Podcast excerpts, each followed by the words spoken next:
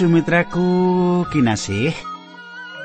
Sugeng pepanggihan meneh karo aku Pendeta Pujianto ana ing adicara margi utami. Adicara kang wis dadi kelangenan panjenengan pangajapku muga panjenengan tansah kinantenan ing Gusti lubering rahayu tinepihna ing sambe kala. Katengku kang dak tresnani kaya padatan aku matur karo panjenengan adicara iki mirunggan kanggem panjenengan sing remen anggegilut sing remen sinau isining kitab suci. Adicara iki tak aturake jangkep runtut tur prasaja manut urutane ayat lan pasal saka kitab suci kita iki kang meratelake meh saben ayat kala-kala kanthi gayutake karo panemune ilmu kasunyatan. Sarta kahanan urip pedinan panjenengan lan aku utamane babakan-babakan rohani. Nah kadangku tak jaluk saka Gusti supaya panjenengan tansah binerkahan dening Gusti lan jinangkung dening Gusti sugeng midhangetake adicara iki.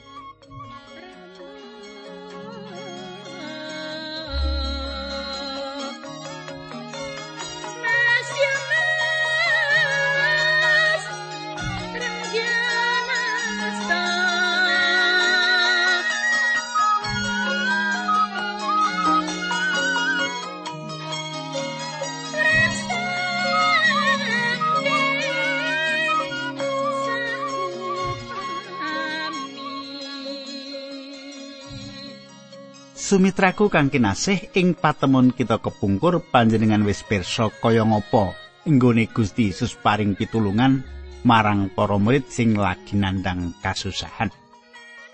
Coban mau yaiku angin gedhe sing nempuh lumaing banyu tlaga nalika padha numpak prau.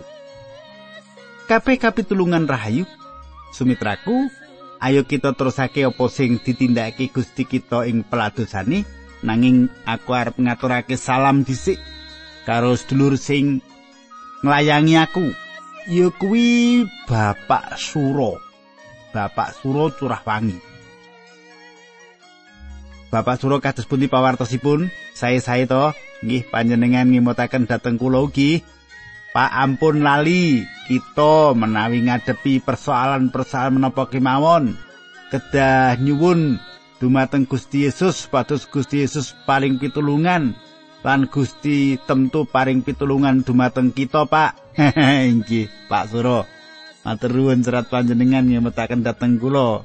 Aku ora mung khotbah wae nggih nanging uga iso njaluk pitulungan karo Gusti. Nah kadangku ayo kita ndedonga sesarengan. Duh Rama kawula ingkang kawula sembah wonten ing asmanipun Gusti kawula Yesus Kristus Kawula ngaturaken kuing panuwun menawi wekdal menika kawula saged tetunggilan kalian sederek-sederek kawula ingkang setya midhangetaken adicara menika. Tetunggilan menika Gusti supados saged panjang. Saged mboten boseni kawula ngraosna ngorong atas pangandikanipun paduka. Kawula nyuwun tuntunan paduka Gusti linambaran asmanipun Gusti Yesus Kristus kawula tetunggal. Haleluya. Amin.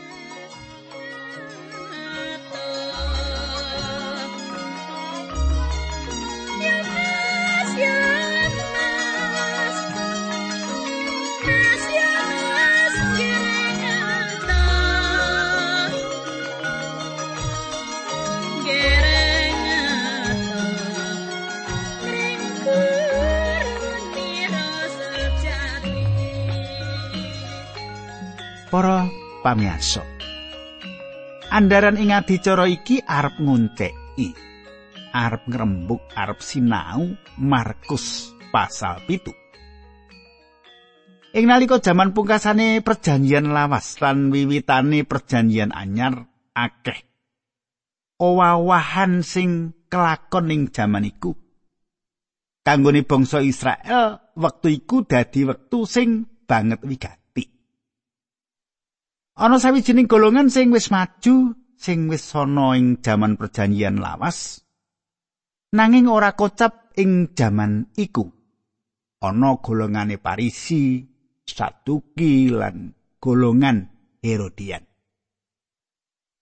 Para ahli Taurat golongan iki umume padha wasis ing bab hukum. Ing nalika sugenge Gusti Yesus, wong-wong iki padha midak-midakake bab sing remeh-remeh. Malah kepara nuruti unine tulisan ketimbang nindakake sawutuwe hukum iku.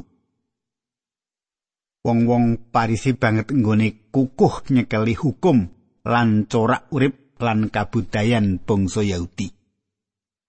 Wong-wong sing kasebut ing ngarep mau wong-wong sing tangguh nggone padha nglakoni hukum saka perjanjian lawas. Lan padha duweni paham nasionalis yen to padha mlebu ing babagan politik.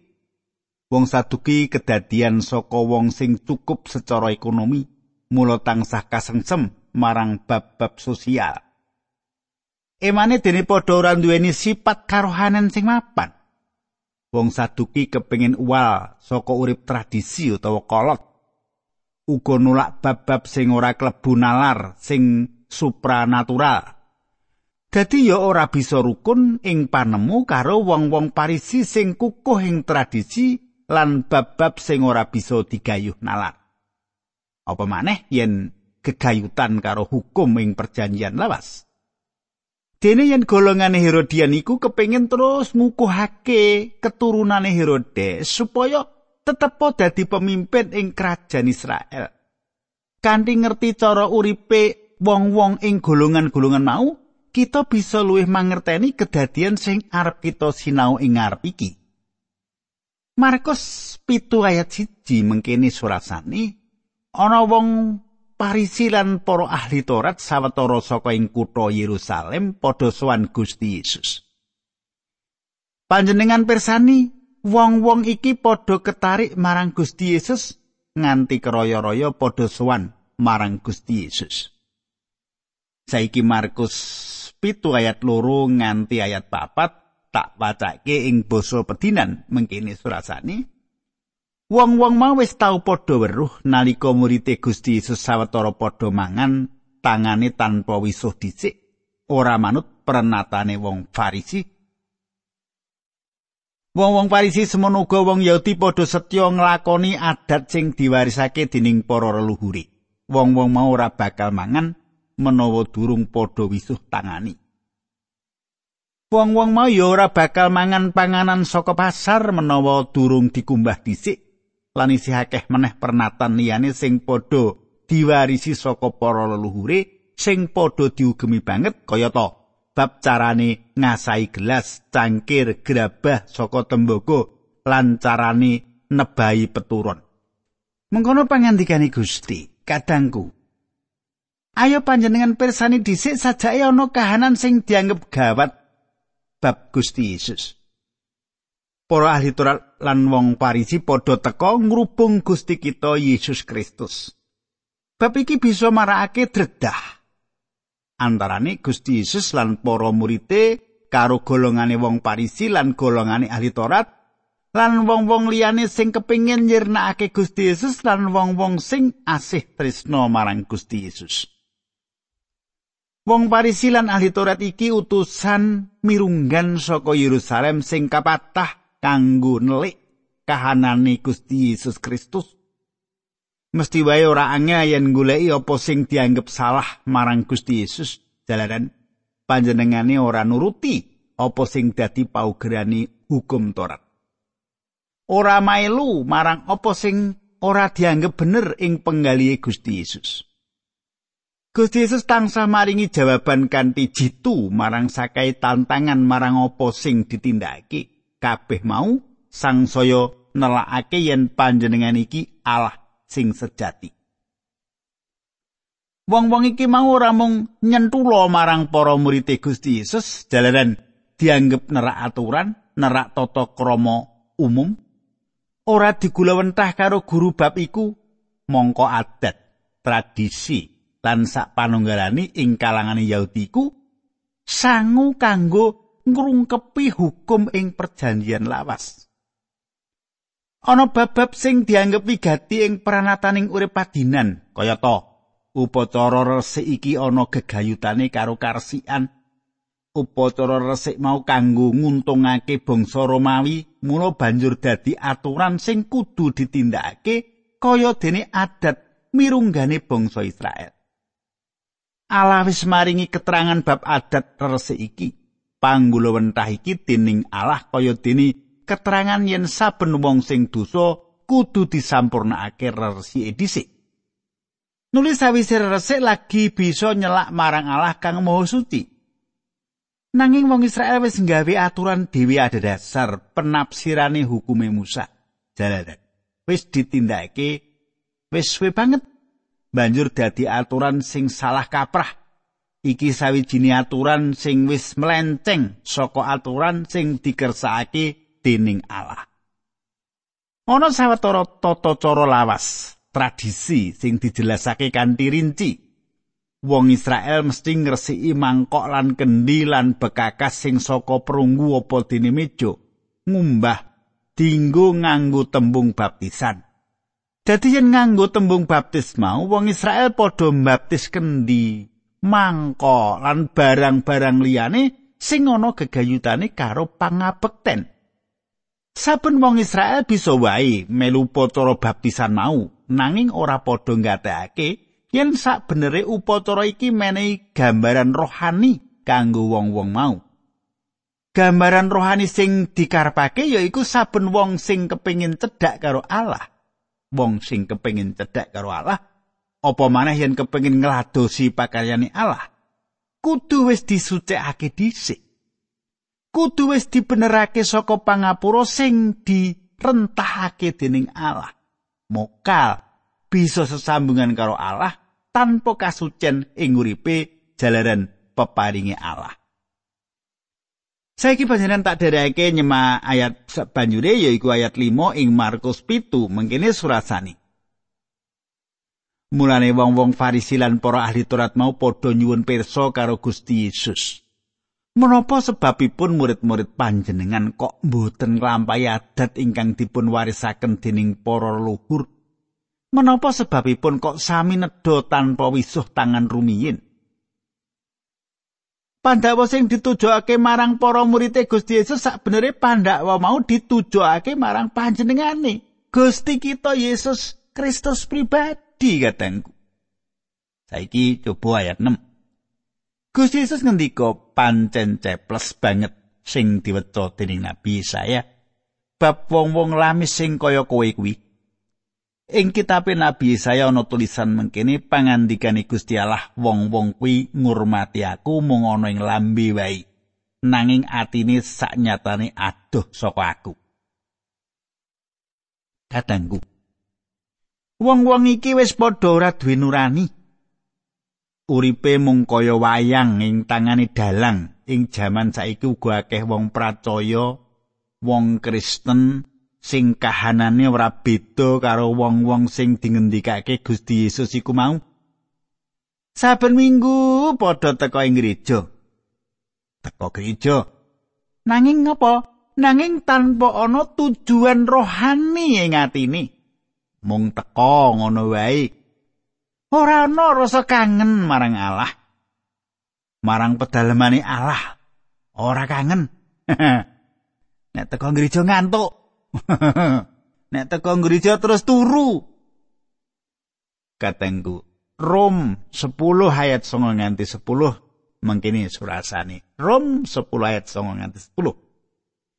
Menawa lambemu padha ngakoni yen Yesus kuwi Gusti lan kowe percaya ing sadrone atimu yen Gusti Allah wis mungokake Gusti Yesus saka ing sedo kowe bakal slamet. Sebab kita pratoya ing sajroning ati kita, temah kita padha karukunake karo Gusti Allah.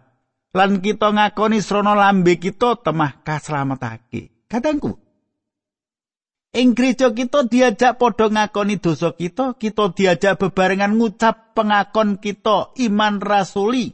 Nanging yen saben pribadi kita tanpa ana sesambungan rohani karo Gusti Yesus, kabeh mau mung bakal dadi tradisi wae. Dadi tata cara lawas sing ora genah parani.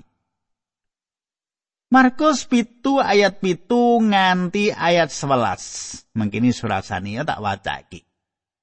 Tanpa guna wong-wong kuwi nyembah marang aku sebab padha mulang. Wong dikon nglakoni pernatan-pernatane manungsa dipadake karo pernatanku. Perintah-perintah Gusti Allah kok singkirake banjur pernatan-pernatane manungsa kok leluri.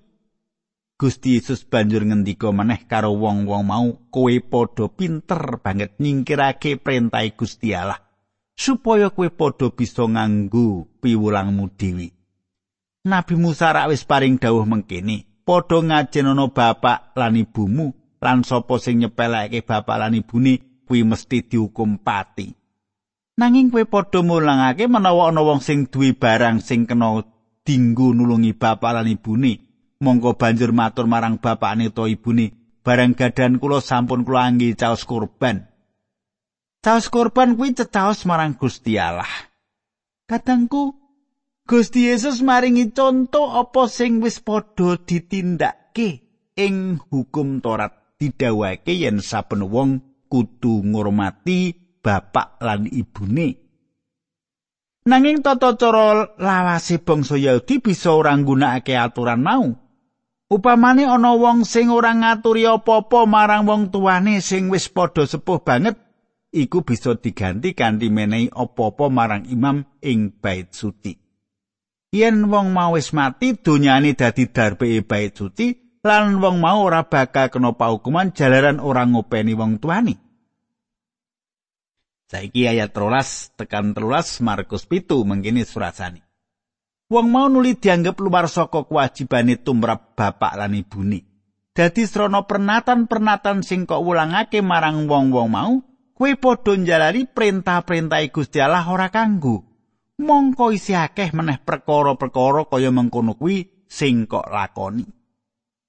Sumitraku Gusti Yesus ngendika yen tata cara lawas iki kejem lan malah kosok balen karo apa sing dikarepake tulisan ing hukum Torat yaiku ngurmati bapak lan ibu. Ing jaman maju saiki iki akeh lembaga, yayasan, golongan sing padha nganakake kegiatan sing bisa narik kawigatene para wong pracaya. Promosine kuat kanggo narik atine wong pracaya. Nuli akeh duwite wong sing dermawan, duwite mili kanggo nyengkuyung karyawan apa dene stape lembaga mau. Coba Markus pitu ayat 14 nganti 15 panjenengan katekake ya. Wong akeh mau ditimbali meneh dening Gusti Yesus banjur padha dingendikani rungokno lan padha ngertiyo. Wong ora dadi najis merga barang saka njaba sing mlebu ana ing wong nanging merga barang sing metu saka wong mau. Kadangku, Gusti Yesus nerangake bab bedane apa sing ing njaba lan apa sing ana jerone badan kita. Nuli nedahake apa sing bener. Ayat 16 nganti ayat 13. Mulane sapa sing duwe kuping padha ngrungokno. Wong akeh mau tumuli ditilar mlebet dening Gusti Yesus ing jero omah murid-muride padha nyuwun pirsa apa tegese pasemon mau. Gusti Yesus ngendika marang para murite, "Apa kowe kuwi ya bodho padha karo wong-wong kuwi mau? Apa kowe ya ora ngerti yen barang sing saka njaba mlebu ing wong kuwi ora bisa ndadekke wong kuwi najis?" Sebab barang sing mlebu kuwi ora mlebu ing atine nanging mlebu ing wetenge. Lan sebanjuri bakal metu meneh saka badani. Sono pangandika mau Gusti Yesus nerangake yen kabeh panganan kuwi halal. Gusti Yesus banjur ngendika maneh sing metu saka manungsa kuwi sing marai manungsa dadi najis. Sebab kuwi metu saka jerone atine manungsa ya saka ing ati kuwi tekane pikiran-pikiran ala sing jalari wong laku dina nyolong mateni lagu bandre serakah lan sakai penggawe Allah ngapusi kurang ajar meri memisuh amuk sembrono. Kabeh sing ala kuwi metu saka jerone manungsa lan ya kuwi sing marai manungsa dadi najis. Kadangku yen panjenengan maos koran dina iki nganti ora ana sing kliwatan. Iku tegese panjenengan wis pirsa 24 jam isine atine manungsa. Ing koran mau ana zinah, selingkuh, raja pati, keserakan, jalaran kepingin duwe donya sing akeh, keangkuhan sifat sing paling ora disenengi Allah ngunek-unekake Gusti Allah bab derajat pangkat sio-sio marang sepepadane apus-apus nepsu iri lan liya-liyane Mula Gusti Yesus ngendika kowe kudu padha dilairake meneh. Saiki Markus pitu ayat 4 nganti ayat telung puluh mangkene surasane Saka ing papan kuno, Gusti Yesus banjur tindak menyang kutha Tirus. Tirus kuwi kutha ana ing sak pinggire segara tengah kepener sak lor kulone Tlaga Galilea. Ana ing Tirus kono Gusti Yesus mlebu ing sawijining omah kersane aja nganti ana wong sing ngerti yen panjenengane ana ing kono.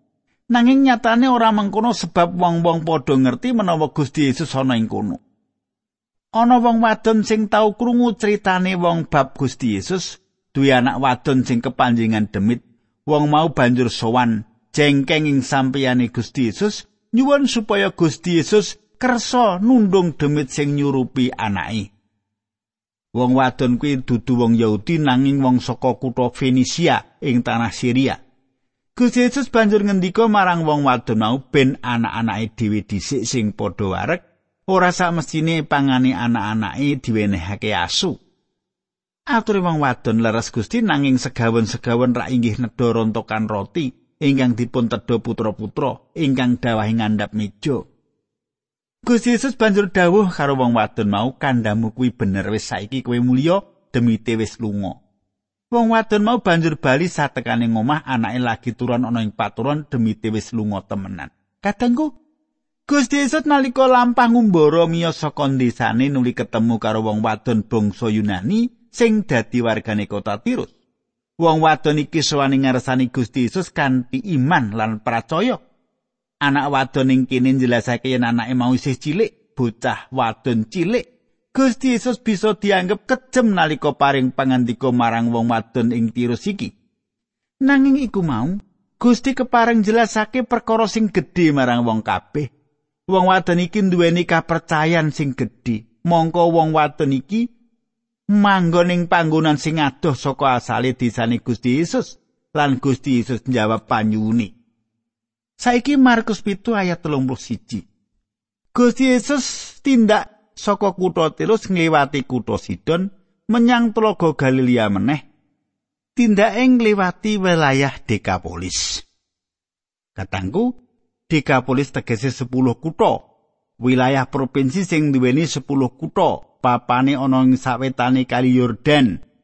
Kutane yaiku Sketpolis, Gerasa, Dion, Gadara, Kanata, Pela, Rifania, Philadelphia, lan Sik. Saiki Markus pitu ayat 32. Ing kono ana wong sing budheg bisu disowanake Gusti Yesus. Wong-wong padha nyuwun supaya Gusti Yesus kersa numpangake astane ing wong sing lara mau. Ayat 33. Wonge banjur dituntun digawa rada ngadoh saka wong akeh kupinge wong sing budheg bisu kuwi didulek. Gusti Yesus nuli kecoh. Ilate wong mau banjur didemek. Ayat 34 nganti 37 panjenengane banjur temung ing langit. Unjal ambekan banjur ngendika marang wong budheg bisu mau Evata sing tegese mengo. Senalika kupinge bisu krungu, ilate dadi lemes lan bisa guneman kaya sak lumrahe wong. Gusti Yesus meling marang wong sing padha nekseni lakon mau supaya aja padha wewarta marang wong liya, nanging saya banget oleh nanging wong-wong mau malah saya banget nggone mawarta. Kabeh sing krungu gumun, kandhane wong-wong mau kok hebat temen wong kuwi. Panjenengane gawe wong budhek bisa krungu lan wong bisu bisa guneman. Katangku. Mukjizat sing ditindakake Gusti Yesus iki sing ndadekake peladosane Gusti Yesus sang saya jembar tebani. Mukjizat sing wis nyikat tali-tali sing kaya-kaya njiret uripe bangsa iki dadi sang saya suwe tantangan tumrap Gusti Yesus sang saya gedhe. Ewa semono senadan ake wong sing perlu diladosi tantangan sing terus tumpo-tumpo ngadang salampai Gusti kita, wektu sing terus ndesek jalan ake wong sing perlu kaladusan. mesti wae panjenengane uga kesel secara manungsa. Nanging akeh wong sing padha ngucap panjenengane wis ngowahi sakabeh kahanan dadi becik. Sumitraku apa panjenengan uga ngakoni yen apa sing ditindakake Gusti Yesus dadi berkah tumrap gesang panjenengan. Nganti semene dhisik aturku muga panjenengan kaberkahan monggo kita ndedonga dhisik.